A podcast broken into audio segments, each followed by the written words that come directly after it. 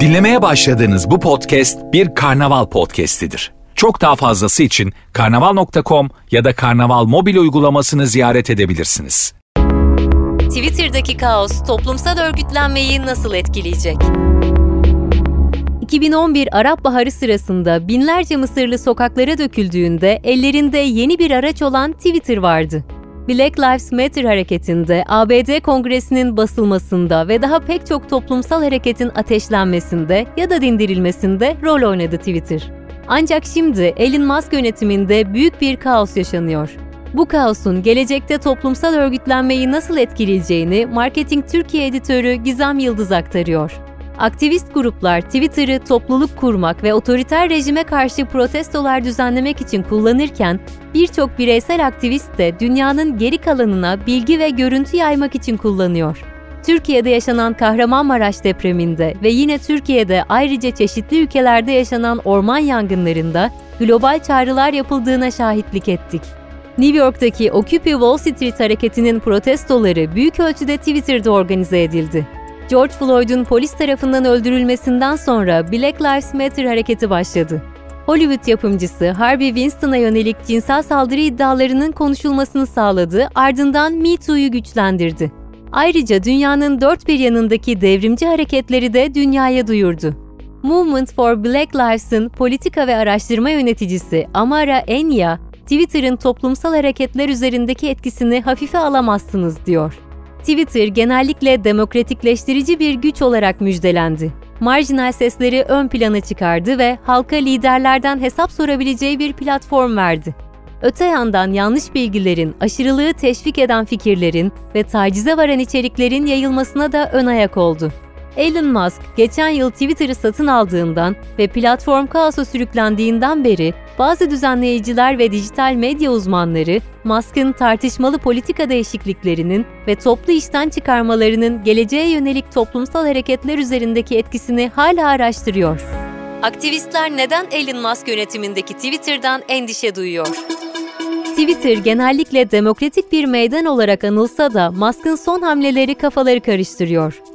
Urbana-Champaign Illinois Üniversitesi'nde medya ve sinema araştırmaları yardımcı doçenti Rachel Kuo, Twitter aracılığıyla örgüt liderleri ve siyasi grupların politikacılara ve liderlere şahsen mümkün olamayacak kadar doğrudan erişim sağladığını söylüyor.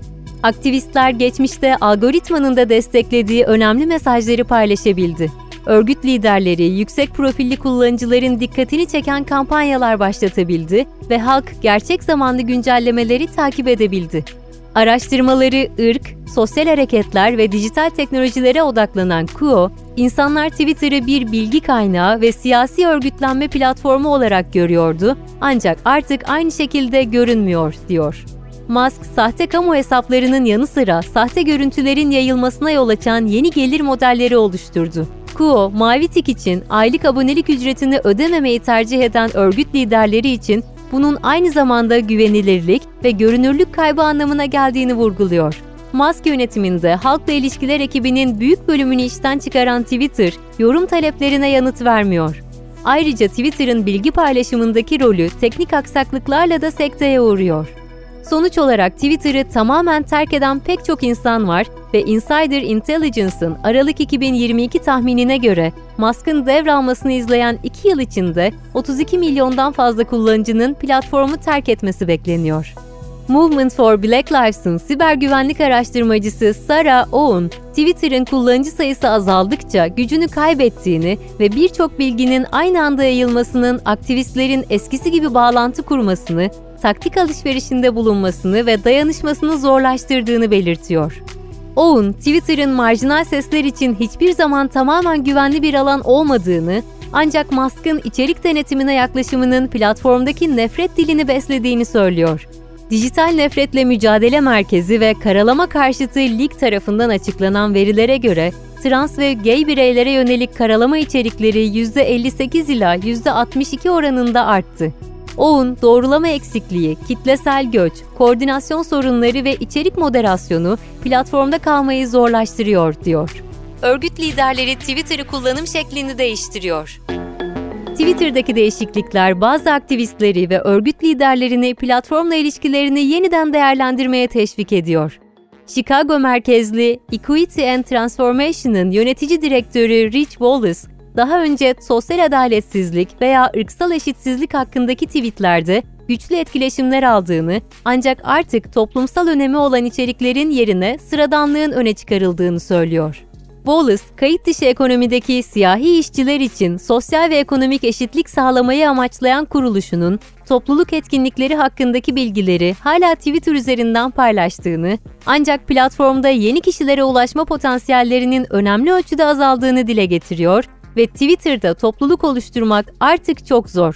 Ancak örgüt liderleri olarak engelleri aşma konusunda yaratıcıyız. Bu da değerlendirmemiz ve organize etmemiz gereken yeni engellerden sadece biri, diyor. Musk Twitter'ı ilk devraldığında bazı örgüt liderleri ve aktivistler Mastodon veya Blue Sky gibi alternatiflere akın etti. Ancak Twitter'dan çok daha az kullanıcıya sahip olan alternatiflerin topluluk oluşturma gücü de oldukça sınırlı. Ayrıca Mastodon'da bazı gizlilik ve güvenlik sorunları var. Amara Enya, sosyal medyanın sosyal hareketler için çok güçlü bir araç olduğunu, ancak yine de tüm yumurtalarını tek sepete koymadıklarını söyleyerek sözlerini sürdürüyor. Sosyal medya platformları gelir ve gider. Aynısı Twitter'ın başına da gelebilir. Movement for Black Lives, Twitter'ın var olmadığı bir gerçekliğe de hazırlanıyor. Tüm bu kaos yaşanırken Twitter'ın yeni CEO'su Linda Yaccarino göreve başladı. Yeni CEO yönetiminde Twitter'ın akıbetinin ne yöne gideceği belirsiz olsa da Yaccarino platforma olan güveni tazelemek adına Twitter'ın küresel bir kent meydanı olma misyonunun devam edeceğine ve Twitter 2.0 ile birlikte herkesin fikrini söyleme özgürlüğüne sahip olacağına dair açıklamada bulundu. Yeni CEO'nun vaadi yerine getirilirse hem örgüt liderleri ve aktivist gruplar için hem de reklam verenler için bir güven ortamından söz etmek mümkün olabilir.